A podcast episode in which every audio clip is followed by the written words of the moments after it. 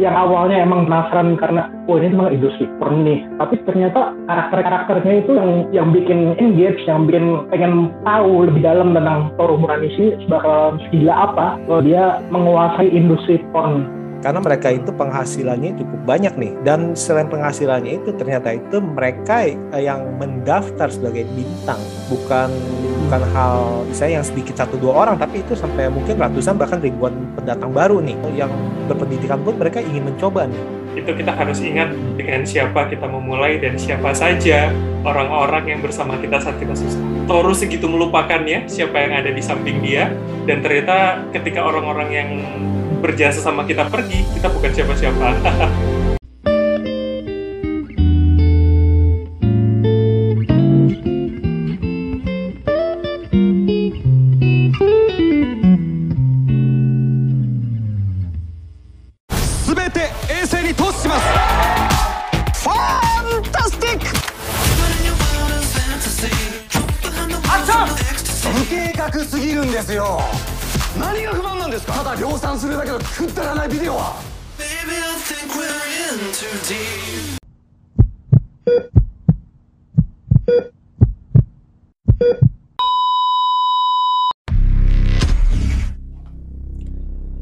Hey, hey, hey. Selamat bergabung kembali di channel BB69. Sobat BB69, pada episode kali ini sudah bergabung dengan saya dua teman kongko BB69 yakni Mas Aska dan Mas Bram. Apa kabar nih Mas Aska? Halo, halo. Halo Mas Setiawan. Selamat Iya lama lama tak jumpa, rambutnya sudah berubah ya. ya rada-rada bersih dikit lah. Bersih dikit bisa aja. nah, yang kedua ada Mas Bram. Apa kabar nih Mas Bram? Halo Mas Tiawan, alhamdulillah baik. Mantap. Sehat ya. Sehat sehat. Oke, nah malam-malam ini kita ingin membahas sebuah serial yang sudah ada dua season nih uh, serial yang diangkat dari istilahnya sebuah novel, novel yang bisa bilang ini novel fiksi kali ya Mas ya, yang non fiksi, sorry, novel ini non fiksi yang berjudul Sendra Kantoku Muranishi Toruden. Nah itu mungkin kalau saya uh, hmm. ngomong itu kurang benar ya mohon di apa direvisi nanti. Nah uh, film ini cukup menggemparkan sih ya dalam arti menggemparkan uh, istilahnya dunia atau istilahnya orang-orang yang suka menonton Netflix. Nah, kalau diangkat di uh, serialnya ini diberi judul The Naked Director. Nah, dari judulnya aja ini cukup menjual nih, Mas. dan membuat banget ya. Iya. dan istilahnya benar-benar uh, sangat-sangat ekstrim istilah judulnya nih The Naked Director. Nah itu kan kayak wah iya. gimana gitu orang-orang pasti berkahyal tingkat tinggi nih. Nah, uh, tapi ternyata ini kalau kita tonton ini uh, ya memang judulnya itu menggambarkan isi daripada filmnya dan tapinya itu yang waktu itu sempat saya saya angkat di podcast saya yang dulu pas uh, season pertamanya bahwa serial ini sangat disayangkan kalau ditonton hanya untuk melihat tanda kutip itu adegan-adegan yang sesuai dengan judulnya nih, misalnya neket-neket apa gimana gitu, itu benar-benar sayang nih karena itu benar-benar sebagai itu jangan. Nah, uh, Mas Aska waktu itu nonton itu dari season pertama pas uh, awal rilis apa ngejar dari pas uh, sekarang ini? Awal ini langsung dua season di Rapel. Oh di Rapel. Karena awalnya mungkin iya ya karena kayak kurang berminat kan sebenarnya. Gitu terlalu banyak dulu Netflix yang uh, menggoda menggoda gitu kayaknya ah malas mungkin skornya kayak gimana gitu. Ternyata mulai season 2 baru mulai menarik nih ternyata membahas industri porn gitu kan. Oke udah penasaran dan waduh langsung jatuh hati lah. Langsung engage banget itu sama film series itu yang saya mau tanya itu waktu season pertama keluar Mas Aska sebenarnya hmm. udah tahu Mas ya udah tahu tapi hmm. belum ada minat untuk nonton kayak ya udahlah paling uh, drama drama Jepang gitu kan hmm. klasik 80-an gitu setupnya gitu deh nanti dulu deh gitu mungkin bukan film yang harus ditonton di hari pertama tayang harus langsung diapel gitu enggak nanti dulu nanti dulu begitu season 2 mulai gempar mulai banyak yang ngomongin baru tuh mulai penasaran Hmm. dan sebenarnya lumayan unik karena daya tariknya kenapa pengen nonton ini aduh ada dosa, ada dosa dikit ya karena ada JAV Idol yang masuk di situ main di situ dia penasaran Oh ada JP Iya, Idol gitu. benerannya main situ ya? Saya nggak tahu. iya Oh, jadi oke. sebagai pengamat jadi wah si ini main nih gitu. Ya, walaupun cameo satu detik tapi itu kelihatannya gara-gara itu dia pengen nonton gitu. Awalnya udah males. Oke, hype hype hype. Oke oke, ini jujur saya nggak tahu tuh, beneran nggak bener, eh, beneran nggak tahu. Awal ternyata itu ada ada Iya. istilahnya ada selebritis istilahnya JV, eh, JV Idol yang Yap. disebutnya ya, idol idol yang ternyata Yap. itu jadi cameo cameo. Hmm. Oke oke, ternyata Mas Aska Ya. ini eh, ngerti nih si ini si ini si ini nih ya. Waduh, nanti kita bahas lebih lanjut lagi Mas. makanya Kayaknya perlu bocoran-bocoran nih Mas. Perlu ilmu, perlu ilmu. nah, Mas, Oke, Mas oke, Bram ini dari siap. tadi udah senyum-senyum. Kenapa nih Mas Bram? Ah, enggak apa. Gimana? gimana? Ah, saya sih nggak Maaf tahu ya, ya karena. karena memang tidak menghafalkan mereka, jadi jadi nggak tahu kalau itu ada. Cuman saya baru tahu kalau saya kan karena penonton ini ya Super Sentai atau Power Rangers Jepang. Ah, Itu yang pemeran Hmm. si siapa sorry uh, Kawada itu adalah si Go Silver, uh, salah satu apa? oh Ah, jadi apa Super Sentai yang ke-25 itu namanya dulu Go Ranger tahun 2000 2001 saya lupa. Nah, itu dia Oh, pemeran gitu. itu pada saat mudanya, pemeran Kawada. Ah, nah, itu itu yang, produser yang- itu ya Iya betul, produser yang PH Oh. pertama ya, yang akhirnya ditinggal ah, ah. sama si yang siapa? berkacamata ya Hmm. Ah, yang- betul, yang betul, suka sama betul. boneka ya. Ah. Ya, Iya, yang iya, yang iya. yang apa suka membayangkan si Meguminya kan, yang suka Iya. nonton di kamar, oke, yang oke. di ruangannya itu. Nah, yang jatuh cinta pada Megumi. Ah, Iya iya benar Hmm. benar benar. Oke. Kalau oke. saya non- nonton itu akhir 2020 kemarin sih mas, jadi nggak yang nggak yang begitu keluar jebret langsung nonton enggak karena benar kata Mas Aska tadi Hmm. bukan bukan sesuatu yang urgent kayaknya untuk ditonton. Dan even even bahasannya boom banget kan di awal. Tapi saya nggak dan saya masih cukup cukup melihat kalau di season 1 itu plot dan adegan itunya adegan apa ya? Adegan Hmm. eh, mau bilang tidak senonoh tapi saya lihat. Aduh mau bilang apa ini? Paling poinnya. Ah, adegan itu peragaan itu tadi. Itu eh, masih Ya, ya. cukup menu utama mas menu utama masih cukup menarik buat saya. Tapi di season kedua itu kebalik. Saya malah skip skip adegan-adegan Hmm. apa adegan badannya. Karena menurut saya secara plot itu lebih utuh lebih apa Hmm. ya lebih jelas semuanya karakternya dibangun terus kemudian plot dan konfliknya itu lebih Hmm. berasa jadi menurut saya season 2 itu better Hmm. jauh-jauh lebih baik kalau buat saya ya Hmm, hmm, hmm. Uh, mungkin nggak dalam arti karena itu diarahkan dalam arti yang season pertama kan untuk uh, menggambarkan di mana revolusi kita ngomong kita ngomong revolusi ya revolusi daripada uh, porno Hmm. industri industri porn film ya yang di mana yang awal itu kan mereka kan uh, pornnya itu fake fake porn ya pura-pura istilahnya kan. Nggak masuk ya? Ah, ah, bukan nggak masuk Iya. tapi uh, ya benar nggak masuk fake istilahnya pura-pura pakai mungkin pakai campuran uh, uh, susu kental manis istilahnya kayak gitu-gitu itu ya. Iya, iya, iya, iya, dalam iya. arti benar awal-awal benar kan- karena uh, justru cukup sopan bahasa bahasanya Kan? Ngerem ini. Ya harus direm sih. Kalau nggak tiba-tiba nanti di ban lagi.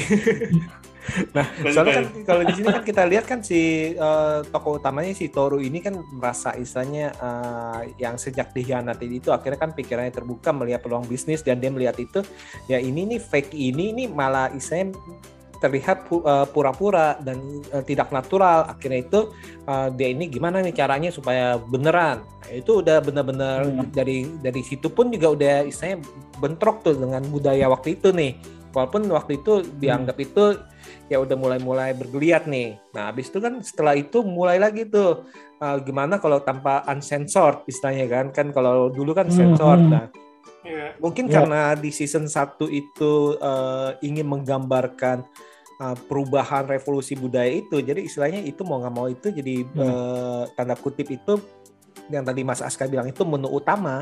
Padahal mm, kalau Hmm. saya ngelihatnya itu sih bukan sebagai menu, tapi itu uh, diperlukan tuh untuk kalau bagi saya nih Ya. untuk untuk uh, Ya, ya. season satunya itu itu memang diperlukan untuk menggambarkan betapa istilahnya liarnya i- atau istilahnya Ah. bilang itu bisa bilang liar atau visioner kali ya. Kalau kalau di satu sisi itu liar tapi di Terobosan ya. terobosan. Kalau kalau bahasa halusnya kan visioner terobosan terobosan daripada si tokoh utama ini nih dalam arti uh, karena dia, ah betul. Karena dia tahu ini maksudnya ya manusia itu orang-orang itu kaum Adam ataupun kaum Hawa itu istilahnya pria atau wanita itu ya ada nih yang istilahnya pangsa pasarnya yang yang sangat besar di bukan hanya Jepang aja seluruh dunia. Nah itu sih kalau yang menarik dari yang season pertama itu di mana gebrakannya itu tuh sampai ada politik-politiknya, sensornya itu ada ukuran-ukurannya itu Hmm. itu kan Hmm. hal yang kita nggak mikir sih beneran sih dalam arti mungkin kalau uh, kita dalam arti sebagai yang pernah menonton uh, film film-film istilah porno gitu dan melihat yang yang ada sensornya itu kita nggak nggak sampai berpikir bahwa itu ada ukuran-ukurannya tuh. Dalam arti ini harus harus melewati ah harus Ya, ya. nggak boleh melebihi apa gimana. Kan ini kan dibahas nih. Nah justru kalau Iya. saya saya sih yang menarik dari film ini justru saya melihatnya itu bukan adegan hmm, misalnya semi semi kita ngomong semi ya tapi justru Nah, tanda kutip itu pengetahuannya itu loh dalam arti ternyata itu iya. politik-politiknya itu Knowledge-nya ada banyak loh seperti itu loh Hmm. Nah, Mas Aska gimana Mas Hmm. Aska? ya sama sama kayak diomongin Mas Wan ya kayak kalau Netflix tuh ada eh, eh, apa namanya kayak drama kayak Itaewon Class yang dia mengulik tentang industri restoran terus habis itu ada startup yang mengulik industri tentang gimana membangun sebuah perusahaan gitu kan. Hmm, hmm. dan di Jepang itu punya industri yang lumayan seksi untuk dibahas tapi kayak tabu masih underground banget gitu. Yaitu industri pornnya. Itu kan terlalu kelam dan kelihatannya susah kalau di- di- diceritakan secara belak-belakan. Tapi Netflix tuh mengemasnya mengemasnya itu dengan cara yang unik gitu ya kalau adegan seks itu kayak komplementernya kita bahas tentang industri porn yang memang bakalan ada adegan eksplisit itu. Tapi dari karakternya itu dari itu pertama season pertama Toru Muranishi itu punya satu karismatik yang nggak bisa Hmm. lepas sampai di season kedua ending gitu.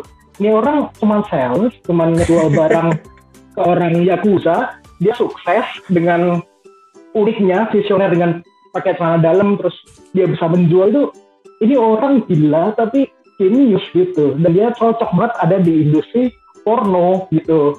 Yang nekat yang bisa ngejual segalanya. Punya visi hebat punya cara rekrutmen orang-orang hebat gitu. Jadi yang awalnya emang penasaran karena oh ini memang industri porn nih. Tapi ternyata karakter-karakternya itu yang ternyata yang bikin engage yang bikin pengen tahu lebih dalam tentang Toru Muranishi bakal segila apa kalau dia menguasai industri porn. Bahkan dari awal majalah sampai nanti Hmm. akhirnya monopoli industri satelit itu itu uh, karakter development pun bakalan terasa. Wow ini orang ujiannya banyak banget gobloknya nggak banyak. Tapi ya gitulah. Karismanya kan nggak bisa hilang gitu. Visionernya gila banget gitu Hmm, hmm, hmm. Iya, nih kita nggak ngebayang ini kehidupan nyatanya si Toru Muranishi ini apakah benar-benar segila itu atau gimana nih? Nah, dalam arti seperti ini. Hmm. Uh, sebenarnya itu jiwa tanda kutip dia ini karisma dan jiwa marketingnya ini benar-benar dapat nih dalam arti kebetulan dia ini Iya. bisa uh, menerapkannya di yang dia suka nih sesuai dengan uh, misalnya apa yang di pikiran dia nih. Uh, misalkan yang Hmm, bahkan yang di ending pun yang disuruh jual batu ya bisa gitu Iya. kan gila bisa pinter gitu bisa ya bisa jadi istilahnya ya kayak Wolf of the Wall Street kali ya dalam arti ya uh, perbandingan Bener, kalau bener, punya ya bener. dalam arti ya. Kalau ini nih Ya. benar-benar jiwanya ini benar-benar hebat sih. Nah kalau Mas Bram gimana Mas Gimana Bram? dia Tapi jangan dilupakan juga bahwa dia punya apa ya? Dia punya masa lalu yang kelam gitu loh. Hmm, Dia kan awalnya Iya. hampir dipecat terus sama bosnya ditunjuk sama salah satu Hmm. sales yang bisa apa menjual apa sih buku apa ensiklopedia sih awal tuh? Eh, Tau nggak? kamus. kamus ya kamus. kamu Ah, bahasa kamus. Inggris ya? Hmm. kamus bahasa Inggris dan dia tidak bisa bahasa Inggris sampai dia ke salah satu apa rumah yakuza dan segala macam itu. Nah, Berani maksud mati. saya, ah berani mati. Maksudnya even even itu adalah mungkin kita melihat itu sebagai gift, tapi jangan dilupakan dia juga suffer untuk Hmm. untuk mencapai titik Iya. itu. Bahkan ketika dia Benar. tahu apa ya eh, istrinya selingkuh di rumahnya dengan Hmm. dengan orang yang berhelm apa sih? Itu pekerja ini kali ya gali-gali gitu ya. Postman. Kalau helm Ya mungkin helm orange oh, ini. ya. Hmm, hmm. Ba- Kalau biasanya kulit- orang Kulit. Ah, kuli-kuli kalau biasa ngeliat di apa kartun-kartun. Ya. Nah itu menurut saya cukup cukup menggambarkan sih bagaimana dia apa ya berusaha untuk di titik itu dan bukan yang kemudian dia digambarkan mungkin dari kecil pintar ngomong, Hmm, hmm. pintar ini. Dia dulunya orang gagal loh, even di rumahnya sendiri dia punya ibu yang cukup intervensi terhadap Hmm. rumah tangganya. Buat saya apa Hmm. ya eh, menggambarkan ke kita mungkin kita bisa lihat seseorang itu mudah, tapi mungkin kayak gunung es kita lupa di bawahnya atau sebelum-sebelumnya masih banyak banget perjuangannya Banget. kalau kita hmm, hmm. lihat karakternya si Muranisi ini gitu. Hmm, hmm. Ya saya setuju sih soalnya uh, kadang-kadang itu kita nggak melihat istilahnya apa yang membuat dia itu seperti sekarang ini dalam arti uh, mungkin Di aja titik Hmm. tertentu gitu ya. Hmm, mungkin aja di Hmm. titik tertentu itu dia istilahnya merasa wah ini udah saatnya gue berubah nih istilahnya Uh, bukan power Iya. aja berubah Hensin Ini the power of kepepet kayaknya mas. power of the pepet bukan Hensin ya bukan Hensin Kamen Rider dong. nyambungnya. Eh, nah itu itu benar sih dalam arti kan eh, tadi itu mungkin kan awalnya dia merasa tersinggung, maksudnya eh, terpukul istrinya, istrinya apa Hmm. yang kurang dari dia, apa karena dia nggak berpenghasilan, apa gimana, dan akhirnya itu dia Hmm. eh, eh, akhirnya itu dia kan memutuskan untuk bangkit nih dari keterpurukannya itu. Dan Hmm. yang kalau kita lihat dari ceritanya ini, ini tidak terlepas dari orang-orang yang dia temui itu, dalam arti yang, yang akhirnya itu menjadi uh, satu grup Hmm. yang menurut saya itu melebihi keluarga ya mereka ya, yang grup awal itu tuh, Iya. yang, Hmm. yang benar-benar Iya, iya. awal itu. Nah, uh, dan itu saya lihat itu sangat-sangat di satu sisi itu sangat-sangat indah sih, uh, di mana itu persaudara Hmm. mereka itu uh, yang sama tukang make up, kameramen, yang tukang bawa-bawa Ya, barang, ya. uh, barang tuh yang badannya gede, terus habis itu yang tadi itu yang uh, Ya. apa produsernya yang pertama segala Hmm. macam itu Ya, ya. bener-bener entah kenapa itu mereka itu jadi sejiwa dan serag bukan seraga ya sejiwa dan sepikiran ya mereka ya Dan- Sevisi Iya, ya. iya. visi dan itu emang susah dan akhirnya itu ya kalau saya lihat itu mereka itu malah jadi loyal ya benar-benar loyal sampai di titik Iya. benar-benar udah nggak bisa nggak bisa dipertahankan baru ya akhirnya itu mereka mau nggak mau satu persatu itu ya istilahnya ya tidak sevisi tapi pada intinya itu Hmm. mereka itu menjadi satu keluarga nih itu sih kalau yang saya lihat Hmm. sih nah kalau Mas Aska nih ada ada poin-poin yang bisa ditarik gak nih dari eh, dua season ini Ya bener sih, kayak awalnya kemasan luarnya oke, dulunya seksi naked director, isinya bakalan tentang soft porn, isinya bakalan tentang industri porno, tapi di balik itu ternyata yang paling kuat tuh tentang friendship, tentang brotherhoodnya itu yang kuat gitu. Gimana dalam satu teamwork, walaupun mereka di dunia kelam, mereka struggle, dan itu kan mungkin fakta yang terjadi di industri Jepang ya. Hmm, karyawan-karyawannya tuh mereka struggle banget bahkan ba- sampai bintang pornonya pun bakalan apa ya orang dari desa masuk ke kota diberi, dibayar demi telanjang dan macam-macam. Itu kan sungguh kelam banget gitu. Dan di sini diceritakannya dengan sangat-sangat sedikit komedi dark komedi. Tapi juga kita ngerasanya juga empati ya. Mereka tuh udah kerja keras passionate banget. Bahkan semacam Jungko yang cuma make up artis saja dia seneng banget tuh untuk make upin bintang pornonya gitu. Hmm, hmm. atau Muranisinya gimana dan Toshi yang kayak sidekicknya si Toru yang menyeret dari salesman jadi masuk ke industri porno itu tuh uh, friendshipnya tuh kuat banget. Bahkan sampai di akhir nanti kan nanti kita bahas di akhir kan Toru sama si Toshi ini baru kerasa wah gak ada Toshi sepi ya gak ada Toshi gimana? Jadi kemasan ya icebergnya itu tadi. Hanya porno di puncaknya tapi di dalamnya tuh sangat sangat prinsip banget tentang sebuah pengkhianatan, struggle, sama keserakahan manusia atau gimana. Kalau udah dapat kekayaan itu diceritakan dengan sangat-sangat ah ini tidak fokus untuk menonton hal-hal yang berbau seksnya. Justru kita malah tertarik dengan karakter-karakter friendshipnya itu yang wah kayaknya nggak bakalan sorry kasarnya kita nggak sampai buka celana deh untuk nonton ini kan bakalan melihat intrik-intriknya itu karakter hmm, hmm. si karakter-karakternya ini berjalan gitu loh.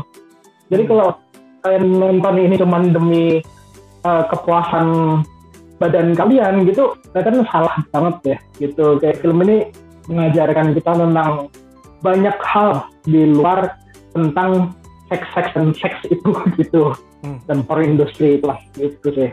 Hmm. Nah selain dari persahabatannya itu si apa si Toro ini bisa mempergunakan krunya itu untuk apa aja oh. yang dari kamer tukang yeah. barang jadi pemeran utama dari kameramen yeah. jadi istilahnya jadi pemeran utama jadi uh, apa yeah. tukang make up jadi uh, jadi kameramen nah itu semuanya itu benar-benar bisa dimaksimalkan dan mereka istilahnya yang mereka ya sama-sama gila ya udah ayo deh uh, kita kita terjun yeah. kita sama-sama udah deh langsung aja deh. Itu level jenius yang sangat unik dari si Torunya gitu. Mereka dia ada makeup artist yang cuma jadi makeup dia diajarin ke mana jadi leadershipnya si Toru ini diliatin banget gitu. Sampai akhirnya mereka loyal kenapa? Karena mereka ngerasa oh seorang makeup artist nggak cuma cuman dandanin doang tapi dia bisa diekspor kakak pikir yang lain gitu. Cuman rugby yang nggak jelas badannya berotot gede. Ternyata di aktor utama cocok kok ini. Bahkan yang kurus pun jadi unique selling point yang oh cocokku juga boleh kok jadi aktor. Dan akhirnya sekarang trennya di Jepang kan ya bernonya juga pasti cowok kan yang jadi aktor utama yang terkenal gitu. Jadi wow ternyata emang Toru ini visionernya segila itu. Gitu. Jadi ide-ide gilanya itu bahkan bahkan bikin rating film industri porno itu uh loncat tajam gitu Hmm. Itu yang wow banget aurunya. Hmm. Setuju, setuju. Nah, ini Mas Mas Bram nih. Uh, kan hmm. uh, kita istilahnya kita nggak bisa pungkirin nih industri porno terutama Jepang nih ini merupakan suatu uh, industri yang nggak bisa di istilahnya di uh, istilahnya dipandang sebelah mata karena mereka itu penghasilannya cukup banyak nih dalam arti uh, dan selain penghasilannya itu ternyata itu mereka uh, yang mendaftar sebagai bintang tanda kutip bintang JAV itu itu bukan hmm. bukan hal istilahnya yang sedikit satu dua orang tapi itu sampai mungkin ratusan bahkan ribuan pendatang baru nih baik itu wanita maupun pria hmm. dan uh, kalau saya lihat-lihat itu ternyata itu katanya itu juga uh, pendidikan mereka juga bukan yang istilahnya yang yang tanpa pendidikan, orang hmm. miskin, bukan. Tapi ya, ternyata ya. itu uh, yang berpendidikan pun mereka ingin mencoba nih. Nah kalau um, hmm. menurut Mas Bram ini melihat uh, istilahnya industri industri porno nih uh, se uh, seperti itu itu gimana Mas? Uh, kalau saya balik lagi dengan kondisi sosial masyarakat yang beda pastinya. Kita ngomong soal kita kan akhirnya komparasi dengan kondisi kita sekarang kan di, di Indonesia. Itu pasti akan hmm. susah.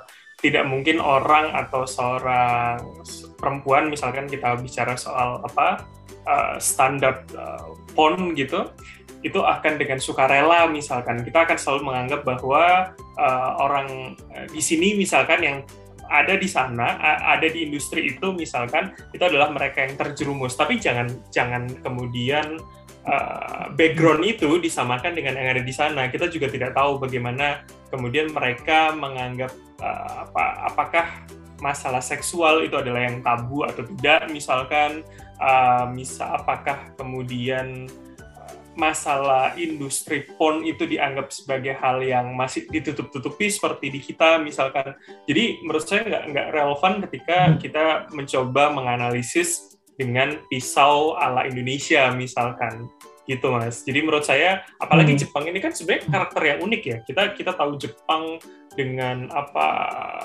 eh, semangat bushidonya, samurainya begitu. Hmm. Dan kemudian Hmm. ketika dia Hmm. kalah perang dunia kedua, eh, semuanya berubah. Semua akhirnya dia menjadi apa? Dia menjadi republik begitu dengan ada ada perdana menteri, even ada kaisar di sana. Tapi kan secara kultur masyarakat juga berubah gitu loh. Bagaimana kemudian Hmm. uh, perempuan yang yang sebelumnya misalkan memakai kimono kita tahu di di mana misalkan uh, Samurai X itu apa kemarin yang kita bahas sorry saya lupa Sam- uh, Samurai X Iya, Eh, sama ini- Rurouni Kenshin. Kenshin. ah Kenshin itu Hmm. kan semua Ah. perempuan masih masih berpakaian panjang gitu tapi hari ini kita Ya. melihat kan budaya yang berbeda bagaimana kemudian rok yang harus di atas lutut atau kemudian Hmm. uh, kaos kaki panjang sampai sebelum lutut misalkan atau bagaimana kita melihat Hmm. AKB48 kita melihat Ya. sorry kalau istilahnya ini apa mas bukan uh, kalau JAV itu kan yang langsung ya kan ada istilah yang Ah. mereka cuman pakai bikini tapi ngambil video yang lucu-lucu itu loh Idol. saya, saya Aduh, grafure. bukan bu Grafure. oh grafur Grafure. grafur grafur artinya kan Ketahuan kan? Aska sih langsung, untung nyambung untung nyambung langsung nyambung kalau saya Mas Bram ini ini pancingan apa apa apa gimana ini? Nggak, Untuk saya jawabnya idol doang tadi saya nggak ngerti. Dijawab enggak, dijawab biar ketahuan. iya kalau nggak dijawab nanti kita lanjut nih ngobrolnya Iya, nah iya. grafur itu Sebuah kan berarti aja, sebuah knowledge. Wah, ada segmentasi tersendiri gitu loh. Iya, Apa- Itu menurut saya mungkin bisa dianggap sebagai kesenian, bukan kemudian eh, Hmm. ah, bukan menjurus kepada porn karena memang kalau kita lihat grafer sama sekali tidak dibuka, even mereka pakai tubis misalkan di pantai misalkan, Iya. apa dengan gaya-gaya yang genit ya kan. Jadi menurut saya Hmm. uh, masih cukup relevan kalau kita uh, sekilas gitu ya. Misalkan saya orang yang belum pernah ke Jepang tapi melihat dari film dan dari apa budaya untuk masalah itu. Dan mungkin itu Hmm. uh, bisa jadi sesuatu prestasi kali ya buat orang-orang sana untuk bisa masuk industri. Walaupun kemudian seperti uh, ketika si apa uh, Muranishi ini perusahaannya bangkrut kan Hmm. banyak kemudian mantan pemain filmnya juga kerja di supermarket Hmm. tapi ternyata mereka dapat stigma sosial dan Ya. segala macam Ya. dapat Ya. diskriminasi sosial dan segala macam ya Hmm. mungkin itu juga terjadi tapi kita balikan lagi bahwa itu era 80 90 90 awal ya kalau kita lihat Naked Director 2 kan Hmm. ada ya apa Hmm. ya mungkin kondisi yang sekarang mungkin lebih terbuka gitu loh saya melihatnya Hmm. gitu sih Mas Dewan Tapi sih kalau kalau waktu itu saya lihat-lihat itu emang benar sih dalam arti memang ini menjadi sat- salah satu istilahnya eh, profesi. Kita ngomong udah ini ini udah ngomong profesi nih dalam arti profesi Sepakat, menjadi uh, idol uh, JAV di mana mereka itu diimbangi bayaran besar mungkin puluhan juta 30 juta sampai sekian juta, puluh juta untuk berapa film tuh dalam arti. Dan itu kan Iya. Cukup istilahnya eh, menggiurkan bagi eh, mereka nih yang membutuhkan istilahnya atau istilahnya malah bukan membutuhkan bukan hanya membutuhkan duit tapi mereka itu memang eh, tertarik terhadap eh, acting di situ tuh eh, karir kita ngomong karir nih ya Eh, karena di sini ini Hmm. bukan bukan eh, ibarat kata oh ini saya terdesak nih jadi saya mau jadi ini itu belum tentu nih Hmm. ternyata ini kalau kita lihat ini ada ada yang kayak gitu tapi ada juga yang memang ingin eh, meniti karir seperti ini karena di dalam di dalam film ini pun dikasih yang dikasih lihat justru mereka itu yang ditawarin dan mereka itu punya keinginan tersendiri tuh dalam arti jadi Ya, buk- ya. eh, di sedangkan yang kalau yang yang butuh uang itu yang kayak pacarnya situasi itu kan itu kan berbeda tuh ya karena eh, karena Ya, hutang daripada hutang segala Itu macam uang memang. Hmm. Hmm. Tap- eh, tapi ya tadi itu kata Mas Bram yang bilang itu semodern-modernnya kita di sini dalam arti bahkan saya rasa itu di dunia barat pun ya misalkan kalau eh, misalkan kalau ada keluarga kita ngomong anak nih anak yang mengambil keputusan untuk menjadi karirnya di situ yaitu sangat resikonya sangat tinggi nih sebagai orang tua nih apakah akan mengusir Hmm. dia atau enggak nih Habis itu belum lagi Hmm. uh, om tantenya. Nah, belum lagi tadi itu lingkungannya tuh. Gimana misalkan kalau dia Hmm. kalau dia lancar-lancar karirnya sih yang mungkin uh, lancar-lancar karirnya nanti suatu saat dia akhirnya jadi produser film film porn Hmm. juga atau bahkan loncat ke Hmm. uh, film film beneran nih tanda kutip film beneran lagi Hmm. agak kasar sih dalam arti film biasa istilahnya film action Oke, film oke. drama nah mungkin mereka banting setir nih nah itu mungkin masih ini tapi kalau ada beberapa kan yang pasti kan ya uh, karirnya juga istilahnya tidak bagus habis itu akhirnya mereka berhenti atau mungkin ada beberapa itu yang stres akhirnya itu mereka uh, nggak nggak tahan di dunia ini dan menyesal akhirnya berhenti tapi kan uh, karena uh, nasi sudah menjadi bubur istilahnya kan pasti kan udah udah terjadi kan udah ada Ya. itu dan pasti yang tadi Ya. itu uh, sanksi sosial itu nggak bisa di istilahnya di dihindari ya dalam arti ya nah kalau menurut Mas Ya. Aska tuh Makanya misalkan bayar sekarang. apa Ya, ya lanjut lanjut. ah, enggak tadi kenapa Gimana Ma- pertanyaannya? Iya, ya bahkan sampai sekarang sih kayak artis idol mantan artis AV-nya pun yang udah pensiun tuh mereka akhirnya memutuskan untuk nggak tinggal di Jepang gitu. Kayak yang Di kita Bali. udah kenal kayak Maria Ozawa, dia kayaknya sekarang di Filipina. Filipina Kalau Awi itu sekarang menikah di Cina gitu. Jadi mereka kayaknya juga setelah pensiun juga udah nggak stay di Jepang gitu.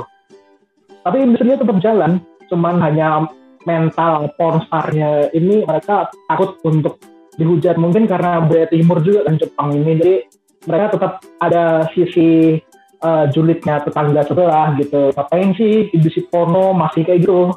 Cuman mereka masih ekspresif lebih ekspresif. Kayak udah ada sisi kanan dan kiri ini gapnya terlalu tinggi aja jadi Hmm. sangat sangat plural gitu ya yang sangat sangat open minded gitu lah Hmm. menurutku sih gitu artis-artis idolnya udah ya nggak kuat aja mungkin tinggal di Jepang sama waktu yang lama gitu setelah terekspos jadi pornstar Hmm. atau istilahnya ingin melupakan atau istilahnya mengubur masa lalu kali ya Hmm. iya kayak kesannya gitu kayak ya dia juga manusia gitu nggak cuma mesin seks dan kawan-kawan sebutannya itu lah gitu Sebetulnya kan ka- kalau boleh nambahin dikit mas, Hmm. eh, sama seperti kasusnya Megumi kan, ketika ketika dia di season 1 cukup berkonflik dengan ibunya kan, Hmm, karena dia hmm. memang pendidikan tinggi, Hmm, tapi dia menganggap ini kemudian kebebasan berekspresi apa Hmm. dan dan yang Ya, yang saya yang saya kagumi adalah gini eh, Megumi walaupun kemudian dia menjadi bintang porn tapi dia tidak menjadi simpanannya Toru gitu loh. Hmm. Iya kan? Hmm, kita kan benar. selalu menganggap bahwa ketika bintang porn ya bisa di sorry sorry to say bisa dipakai gitu Iya. kan.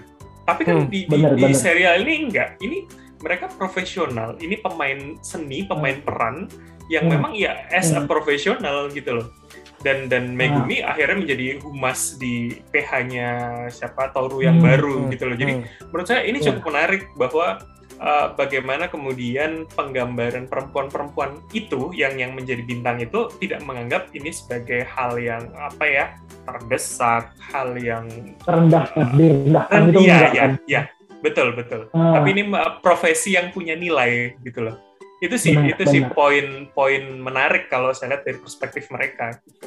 Hmm. Hmm. benar, Hmm. merinding merinding kenapa merinding mas ya itu bener-bener kayak Megumi itu sosok eh, karakter yang dia itu yang maju sendiri, maju mengin- mengajukan diri, bukan ditawarkan atau apa. Dia punya punya jiwa liar yang nggak bisa diekspresikan karena di rumah itu terlalu rapi sama orang tuanya yang mungkin terlalu eh, sopan, terlalu nyaman. Tapi dia punya yang mannernya oke, tapi dia punya jiwa seksual yang tinggi dan dia mengembrace-nya juga dengan dia punya bulu ketek enggak aku juga jelek juga bulu Iya. ketek gini tapi aku tetap bersinar jadi Itu tuh- menentang stigma ya sebetulnya ya kala Hmm, itu ya. ya kar- ya makanya walaupun dia star tapi dia bisa di something unik dan dia ada di level atas gitu dia bukan hanya dibayar untuk jadi star aku ini cuma pengen melampiaskan seksualitasnya tapi tetap ada posisi di atas dan tetap dia dikenal dengan orang yang ya saya wanita tangguh saya wanita Hmm, yang hmm, hmm. punya suara saya punya something yang bisa diperjuangkan gitu itu yang Hmm. bikin merinding kan si Megumi ini walaupun dia pengen jadi pornstar tapi bukan karena material gitu. Tapi karena dia pengen something yang pengen digerakkan gitu dari sisi wanita gitu lah. Hmm. itu yang bikin wah. Betul betul. Dan istilahnya dia itu uh, tanda kutip itu uh, otaknya jalan. Dalam arti uh, dia itu Hmm. strateginya jalan. Dia itu uh, bukan hanya sebagai istilahnya tadi itu sebagai objek aja tapi itu dia itu yang memberikan uh, masukan-masukan dan istilahnya dia itu yang Hmm. menjaga sebenarnya ini salah satu salah satu orang yang menjaga industrinya si Toru di di film ini seperti itu. benar Uh, seperti yang kita ketahui juga nih sekarang ini dunia atau industri porno ini juga ternyata ini juga istilahnya bukan hanya asal ya ayo uh, kamera action langsung gitu. Tapi ternyata itu di sini pun dari penggarapan cerita, dari actingnya bahkan ada award khusus untuk mereka nih. Dalam arti Hmm. award khusus untuk uh, bintang uh, bintang porno baik itu uh, film. Kita ngomong film porno baik itu untuk ceritanya dari uh, direktornya maupun aktrisnya. Nah ini ini uh, menggambarkan bahwa mereka itu sebenarnya itu ingin dihargai juga. Dan mereka itu juga bukan hanya istilahnya ya itu tadi itu mereka itu juga berakting dan bekerja istilahnya sesuai dengan naskah yang diberikan oleh mereka nih dan emang setuju nggak setuju emang kita bingung juga deh dalam arti di satu sisi memang kita bilang kalau kita sebagai uh, misalnya penonton mungkin kita istilahnya oke ya ya kenapa sih ini cuma buat nik- kenikmatan gini gini nggak nggak ada yang dirugiin? Tapi kalau misalkan kalau kita udah meletakkan diri kalau kita misalkan suatu saat nih kita menjadi uh, sudah menjadi orang tua nih ya Mas Bram ya gimana Mas Bram misalkan kalau nanti punya anak anak cowok nih terus ketahuan kayak kayak di film American Pie lagi nonton film porno waduh, belum kepikiran mas. belum pikiran Dan anak, anak saya cewek kan, jadi eh, kayaknya nanti dulu. Aduh. deh. makin Susah serem atau Mas Mas Bram bilang eh minta linki dong buat papa Aduh, belum belum pikiran sampai situ. belum pikiran ya. Nah kalau Mas Aska sendiri gimana Mas Aska? Misalkan kalau misalnya kayak gitu tuh misalkan kalau suatu saat nih berpikir bahwa aduh gimana kalau anak gue suatu saat ini nonton nih? Nah, aduh. takut gak ngerusak punya ngerusak? anak lagi. Aduh. Belum ya. Ah, nah nanyanya belum. Soalnya Eh. yang udah punya anak masih belum kepikiran. Iya, ya. Nggak relate sih kalau ngomongin masalah anak nih. Aduh, Eh, dunia udah terlalu jam nih, udah mulai rusak. Jangan takut mau bikin anak mau ya generasi berikutnya takut takut. Takut lebih ngeri nanti zamannya ya. Hmm, Nggak tahu nanti ampun. internet tuh udah kayak gimana. Hmm. Ih, makin barbar. Nah, di sini juga kalau kalau kita lihat ini selain tadi itu industri porno, di sini ini sebenarnya itu menggambarkan teknologi. Kalau kita lihat itu dari awal itu benar-benar dari KA beta sampai saya eh, sampai di ujungnya itu adalah eh, Iya. benar-benar eh, apa kabel TV ya, satelit TV ya. Dan itu benar-benar eh, satelit TV. diperlihatkan itu Jepang itu teknologinya itu benar-benar berkembangnya itu secara cepat tuh. Tahun 80 ke 90 pun pasti Torunya keluar dari penjara dia juga kadang-kadang uh, terlihat itu Hmm. agak gegap teknologi tuh awal-awal tuh. Loh ini kok udah berubahnya segini Hmm. gini gini nih. Nah ini benar-benar kalau menurut saya sih benar-benar wow sih kita bisa melihat dalam film ini nih teknologi ini nggak main-main nih bayangin tuh dan apalagi misalkan Hmm. kalau kita ngomong ke season 2 season 2 itu udah uh, satelit misalnya TV satelit segala macam itu itu satu terobosan tuh Hmm, dan istilah hanya orang-orang yang punya visi ingat. visi melihat uh, kesempatan atau visi itu itu ingin maju bersama dengan dengan tek, uh, dengan zaman yang sedang berkembang seperti itu Mas Aska ya. Hmm, hmm. Bener bener banget. Kayak napatilah gitu loh kayak era 80-an itu mereka udah punya majalah eh, Warno yang bebas dijualkan, diperjualbelikan. Terus tahun 90-an mereka udah punya eh, TV satelit macam Indovision. Sedangkan macam culture shock, culture shock ya kalau misalnya orang Indonesia nonton pada tahun 2000-an itu kita masih punya Sarah Hazari Yosani di majalah populer tuh tahun 2000-an awal masih tertutup gitu dan di, mereka tuh tahun 90-an tuh udah porno dimasukin di Indovision ibaratnya. Jadi kayak wow kita emang beneran jauh tertinggal ya dari segi industri dari segi teknologi gitu.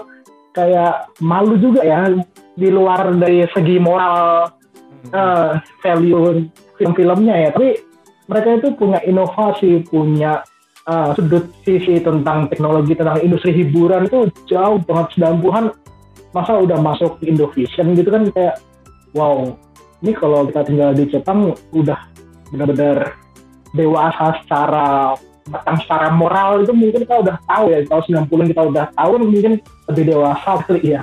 Nggak tahun 2020 kita masih berput dengan ITE di sini kan kayaknya mau mau banget. Hmm, hmm, hmm, gitu sih kayak gambaran kasar tentang uh, kejomplangan. Dan Jepang ini kan juga dia memantau industri dari barat kan di barat ini mereka udah bisa full. Kita Jepang nggak mau kalah nih. Jadi tunjukkan lewat torunya kan. Oh kita juga harus bisa dong. Masa kita masih fake fake terus karena meski di barat bisa gitu. Hmm. dan dia diceritakan juga dia menyutradari film dengan aktrisnya pun dari barat itu kan udah benar-benar visi yang beyond gitu dari seorang sutradara porno lokal. Hmm, hmm. itu yang diperlihatkan segila itu industrinya cepat itu progresnya juga gitu hmm. dan terbukti produksi CPH-nya si Toro tuh sukses besar kan gitu dengan model-model yang difoto dalam satu figura itu hmm. 30 orang model gitu-gitu ya hmm. gila sih bahkan katanya itu mungkin Jepang itu industri itu lebih dari Amerika kali ini dalam misalnya dalam industri pornnya nih dalam arti ke dari yeah. peminat untuk para pendaftar menjadi pemainnya dan lain-lain itu mereka ini nih entah yeah. kenapa nih uh, lebih besar nih sampai sekarang nih dalam arti dibandingkan negara barat yeah. nih. Saya nggak ngerti sih itu, itu yang menjadi daya tarik mereka itu apakah karena penghasilannya apa istilahnya memang banyak orang yang punya jiwa untuk eksperimen ingin menjadi bintang hmm. bintang di dalam arti ingin karir bukan dalam arti bukan butuh uang tapi hmm. ingin berkarir di bidang itu tuh kalau karena kalau kita ngomong nah. butuh uang kan apa sebanyak itu orang yang butuh uangnya saking butuh uangnya pengen yeah. pengen menjadi bintang ini. Nah pasti kan ada antara yeah. ingin mencoba terkenal menjadi idol atau istilahnya hmm. tadi itu butuh uang hmm. sih seperti itu sih. Nah itu sih. Yeah. Nah Mas uh, Mas Aska uh, kode-kode gitu nuklirnya kode-kode nuklirnya gimana Mas? Familiar? Gimana? Kode-kode nuklir dari JAV.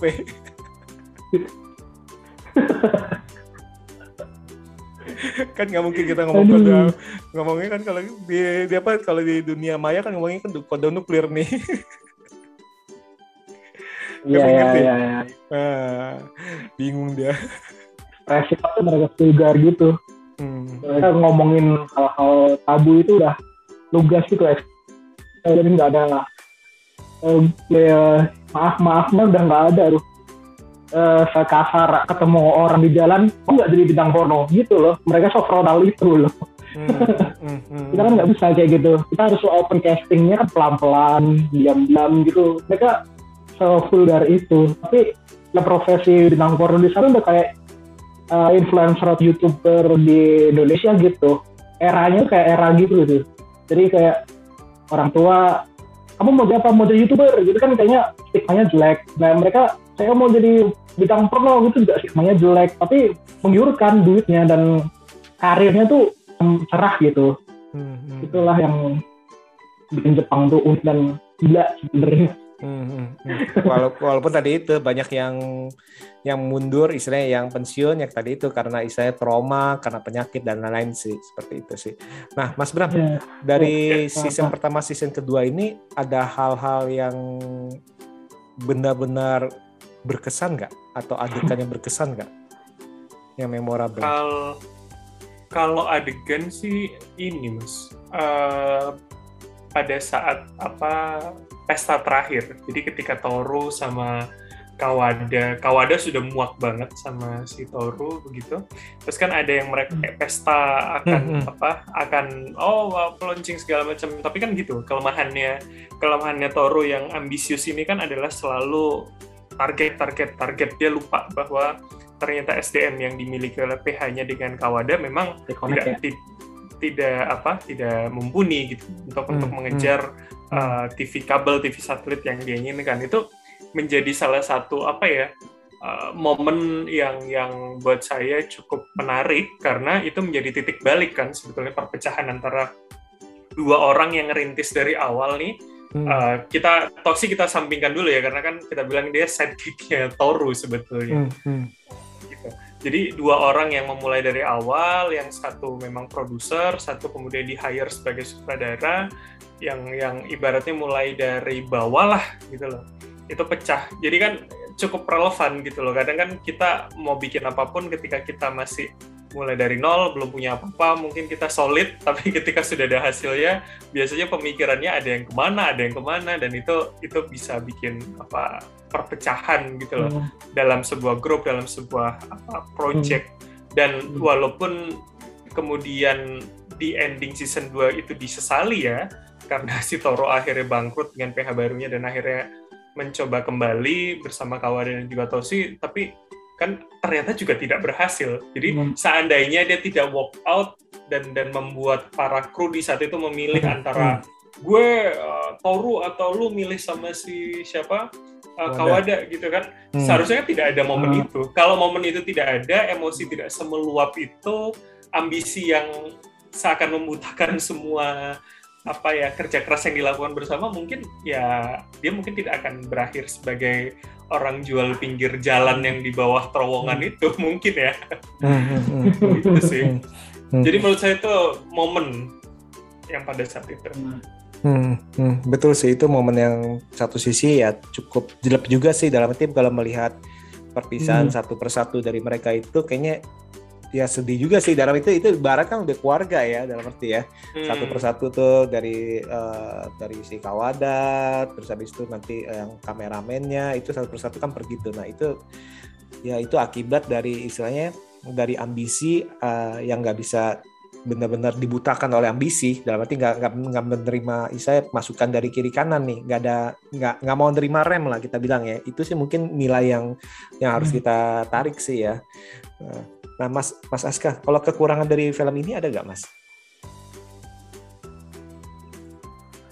Aduh, atau istilahnya ini bukan kekurangan atau hmm? Uh, padahal mau bilang yang paling berkesan itu malah prakteknya, tapi kalau kekurangan apa ya? Tadi yang berkesan, paling berkesan apa tadi mau ngomongnya? Kalau kalau pakai pertanyaan sama sama kayak Mas Gam ya tentang yang, apa yang terkesan ya kayak hmm uh, season pertama tuh kita have fun dengan hmm. software industry kita dikasih hmm. tahu lamnya serunya lucu-lucunya tapi season kedua ini kok semakin emosional semakin ngaduk-ngaduk perasaan gitu nggak expect kita nggak sih ya nonton film Naked Director itu dengan perasaan gelisah dan volume kecil pakai headphone gitu kok berubah jadi sebuah drama drakor gitu jadi kayak kesannya kok jadi sedih kok jadi depresif kok jadi persahabatan diaduk-aduk kayak gini gitu loh. Jadi kayak gak siap gitu. Dan untung nggak siap dengan keadaan hal yang positif ya. Soalnya pertanyaan tuh belum anjlok banget gitu. Kayak hancurnya persahabatan si uh, posinya mati itu klimaks sih. Kayak bikin itu kayak berkata-kata gitu. Terus ada tuh si Kauru Kauru kau eh, siapa? Megumi ya. Megumi hmm. itu yang sisi pertama kita nontonnya gelisah dengan suaranya kecil sekarang kok jadi menangisi si orang yang sama ini. Karakternya tuh berkembang itu gitu. Ini gila kayak penulisannya kok bisa sedark itu semel itu. Jadi kita ketika masih masih itu turning pointnya gede tapi impactnya itu benar-benar wow kok malah jadi nangis dengan film dark komedi kayak gini gitu. Ini nggak cocok nih buat ditangisi gitu. Tapi emang worth it lebih tangisi gitu. Yang nggak deket sama Tosi di season pertama. Kenapa jadi begitu dia hilang langsung ya kalau nggak ada Tosi juga si Torunya juga nggak di siapa-siapa kan gitu kan kesannya sih gitu. Jadi sakit gitu kayak begitu dia mati itu sangat-sangat terkesan. Jadi udah nggak mikirin oh adegan ranjangnya bagus, hmm. modelnya cantik-cantik semua, bugilnya nggak memikirkan itu. Berkesannya nggak ke situ, adegannya panjang di Netflix bisa nonton pornografis enggak, ternyata lebih ke karakternya melonya si cupu yang tinggal nikah sama uh, cinlokannya itu terus habis itu si Rabi yang makan ramen terus nangis itu Mhm. ya ampun buset ini film apa gitu kan kenapa jadi menyedihkan sekali gitu ya itu kayak film porno selalu punya sisi kelam yang emang bikin kita berempati sama pekerjaannya gitu ada sih. Kasihan sebenarnya. Ya itu mereka dapetnya juga dari situ gitu. Hmm, hmm, hmm. kalau cari kekurangan susah ya. Mungkin screen time bintang pornonya kurang banyak aja. Mungkin itu kurang. Cameo-nya kurang banyak kali ya. Si- kakek Sugiono nya nggak muncul ya? Kata Mas Aska. Jujur, susah banget. Susah banget cari kekurangan. Dan dia gitu sih ah cari cari aja ya ah udah mungkin bintang porno kesukaanku nongolnya cuma dua detik gitu aja. Udah kelar itu ke aduh kapan cuma dikit gitu? Aduh, itu aja saya nggak nggak tuh. Saya kira itu semuanya bintang bintang apa? Cuman pura-pura doang tuh. Nggak nggak ada nggak ada cameo cameo yang penting nih saya ternyata ya.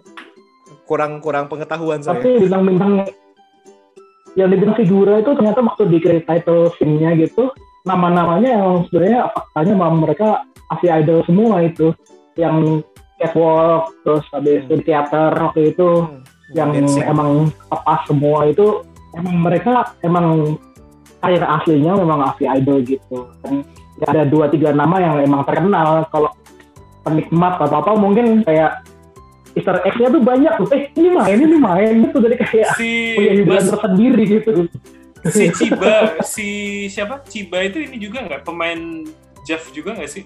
oh kalau itu yang love interest-nya atau yang season 2 ya Iya, yang Oke. penggantinya Megumi lah ibaratnya. Anak Oh, emasnya yang season kelihatannya 2. bukan sih iya kelihatannya bukan ini ya, peran beneran ya. Iya dia aktris aja sih aktris sama kayak Megumi katanya juga aktris kan. Tapi kalau kayak yang dalam satu frame sama Toru dalam screen gede rame-rame itu ya udah itu kelihatannya ya Iya udah kan, itu. idol semua itu. gitu. Iya. Aduh. Easter egg-nya lumayan unik ya. Hmm. Iya. Bener sih, saya setu- saya setuju sih sama Mas Aska itu di, di mana season 1 itu kita kesannya itu, ayo eh, diajak nih, ayo kita tonton nih istilahnya kegilaan seorang yang visioner. Jadi seolah-olah nih kita diajak masuk ke dalam ini, ayo, ayo, ayo kita apa mem- membuat suatu visi yang yang keren nih, istilah yang visioner nih. Wah kan apa eh, pace-nya kan juga lumayan cepet ya, tep tep tep tep tep kegilaan kegilaan demi kegilaan. Hmm. ditangkap keluar penjara, terus eh, a- ada ide gila lagi. Di pesawat di ini di itu, wah akhirnya itu di penjara lagi. Dalam arti itu kan eh, dalam arti bener-bener semangat tuh, Hmm. istilahnya semangatnya memuncak istilahnya dalam arti Hmm. kita Hmm. diajak uh, uh, Iya, tadi itu dengan komedi yang benar-benar wah benar-benar uh, absurd Hmm. segala macam itu tapi itu Hmm. semangat nah pas di season kedua ya itu Hmm. akhirnya itu kita uh, bertubi-tubi dihantam istilahnya ulu hati kita nih dengan permasalahan-permasalahan kenyataan hidup dari mereka yang mana uh, kemungkinan Hmm. besar adalah dari kesalahan memang emang kesa- kesalahan perhitungan dari si Torunya sendiri karena kan dia kan uh, season Iya. kan uh, yaitu high risk high benefit akhirnya itu karena risk Hmm. risknya terlalu besar ya ya dia nggak Hmm. bisa nggak bisa menangkap misalnya resikonya itu ya udah berkali-kali kan hancur dan itu mungkin dalam arti itu dia yang yang bisa kita ambil pelajaran demi pelajaran itu tadi itu dari masih Hmm. si Toro ini bisa visioner melihat apa Hmm. yang belum bisa dilihat orang dan tahan banting nih dalam arti bahkan dia bilang kalau seorang sutradara porno itu belum belum sah kalau belum ditangkap istilahnya kan dalam arti kalau dalam Iya. dari mereka itu kan itu benar-benar pikiran itu benar-benar gila tuh terus habis itu uh, tadi itu uh, se- semua krunya bisa dipergunakan uh, dengan apa dengan berbagai macam lu uh, multifungsi lah lu sebagai ini segala itu dengan keterbatasan itu. Nah itu bisa diterapkan mungkin sebagai uh, dari startup startup yang sekarang ini nih yang baru mulai startup ini kan mungkin kan mau nggak mau kan multifungsi semua tuh. Terus belum lagi marketingnya batu aja bisa dijual itu kan bayangin aja tuh. Batu bisa dijual ngomong itu. pinter banget. Wah ini sangat cocok sekali. Mulut mulut Iya. nah, Nah itu sih itu bener-bener emang ini sih apa uh, tadi itu sayang banget sih. Kalau misalkan nonton ini cuman lihat untuk lihat adegan esek-eseknya kita ngomong ya itu benar-benar sayang sih karena ini banyak nilai-nilai hmm, iya, atau ya, bahkan tanda kutip itu pelajaran nih pelajaran oh ini kayak in, uh, revolusi industri hmm. revolusi istilahnya pon uh, segala macam itu itu kita bisa lihat dengan kacamata ya. pengetahuan nih itu sih. Nah Mas Bram ya, uh, sebelum sebelum kita tutup uh, serial ini ditonton atau dilewatkan? Ditonton. Harus ditonton. Kenapa uh, jauhkan ekspektasi soal kepornoan ya. Tapi ini hmm. membuat saya cukup mengajarkan kita sebagai leader itu kita harus ingat hmm. dengan siapa kita memulai dan siapa saja orang-orang yang bersama kita saat kita susah. Karena film ini mengajarkan di season kedua Toru segitu melupakannya siapa yang ada di samping dia dan ternyata ketika orang-orang yang berjasa sama kita pergi, kita bukan siapa-siapa. hmm, gitu sih. Mantap, mantap. Hmm, jelek ya, benar-benar job itu. Bahkan hmm. yang yang baru-baru ya ninggalin ya ninggalin aja itu kan bintang-bintang baru ya kan yeah. kata-katain mereka mana gaji gue mana ini yeah. bahkan nih saya yang yang yeah. yang loyal itu adalah orang-orang yang pertama yang membangun kerajaannya itu dari awal tuh betul hmm. usah walaupun apa -apa hmm. Walaupun menurut saya walaupun Chiba pun sebetulnya kan dia tidak tahu gimana susahnya Toru dari awal memulai ini hmm. gitu loh beda dengan Megumi yang hmm. sebenarnya cukup meresapi bagaimana Toru hmm. untuk visinya Toru membesarkan ini dan segala macam ibaratnya kayak hmm. ya istri pertama hmm. istri kedua lah hmm. istri kedua kan tidak akan tahu bagaimana jatuh bangunnya si laki-laki ini gitu Hmm, hmm, hmm, hmm. Uh, ya, hmm. saya salah ngomong nggak sih barusan? Enggak, kayak ini Mas Bram nih sangat berkesan sama si Ciba nih. cantik sih emang cantik sih. Wah ini Thailandnya unik ya itu ya. nah, Mas Aska gimana Mas Aska? Uh, film ini, uh, serial ini uh, perlu ditonton atau enggak dan kenapa? Wajib ditonton tapi dengan kepala atas dan kepala bawah. Itu ada sih. Itu lebih uh, bermakna kalau kita tonton dengan kepala yang dewasa gitu bukan hanya oh ada film porno gratis hari di Netflix kayak semacam film barat yang kemarin itu apa sih? Yang film kayak yang 30 uh, bukan uh, yang 365 days atau oh, bukan yang Shades of Grey. enam yang eh, Sex Life. Ya, enam lima hari itu. Nah, Sex Life pun juga termasuk. Itu kan mungkin nontonnya ya udah hanya sebatas pakai kepala bawah kayaknya cukup gitu. Tapi kalau ini, ini nggak bisa pakai kepala bawah. Kepala atas harus berpikir dengan cara oke okay, ini bisnis, ini pengetahuan kita. Kita tahu industri Jepang itu gimana bisa sekelam itu, gimana bisa semaju itu dari film ini kita tahu kenapa film Jepang itu masih bertahan sampai sekarang bisa bersaing sama dunia Barat. Ya karena struggle-nya orang-orang di balik uh, karya itu benar-benar yang dipertaruhkan banyak gitu loh. Dari di penjara dari dibuang sama orang tuanya sendiri. Itu kita nggak tahu. Kita cuma tahunya ya udah harus di layar kan ya di acting acting gitu kayak terpuaskan selesai. Tapi struggle-nya mereka itu yang kita harus hargai lah di luar dari nilai moral ya. Hmm, tapi hmm, hmm, struggle-nya mereka kultur kerja kerasnya Jepang itu harus kita contoh udah gitu aja hmm, hmm, hmm. yang wajib ditonton. Hmm, hmm. soalnya kalau ngomong nilai moral agak sulit ya kita ya. Seperti itu. Iya makanya kita bahas ini di luar nilai moral. dah Oke oke oke. Jadi ya saya sama kayak Mas Bram sama Mas Aska, ini serial emang harus diwajib ditonton. Menurut saya sih wajib sih karena uh, ini banyak banyak pelajaran yang bisa diambil dalam arti dari pelajaran pengetahuan tentang uh, perkembangan tadi kan saya pernah sempat bilang itu perkembangan industrinya, perkembangan teknologinya, bahkan nilai-nilai leadership kita bisa melihat dari yang positif maupun yang negatif nih untuk kita ambil sebagai pelajaran agar kita bisa menerapkan dan menghindari apa yang uh, yang sebaiknya kita hindari. Oke oke nih Mas Bram, Mas Aska, thank you banget nih pembicaraan hari ini yang kayaknya ini masing-masing menahan lidah nih supaya nggak kelepasan. tahan, tahan biar aibnya nggak kebongkar. Jaim semua. biar luarnya hijau.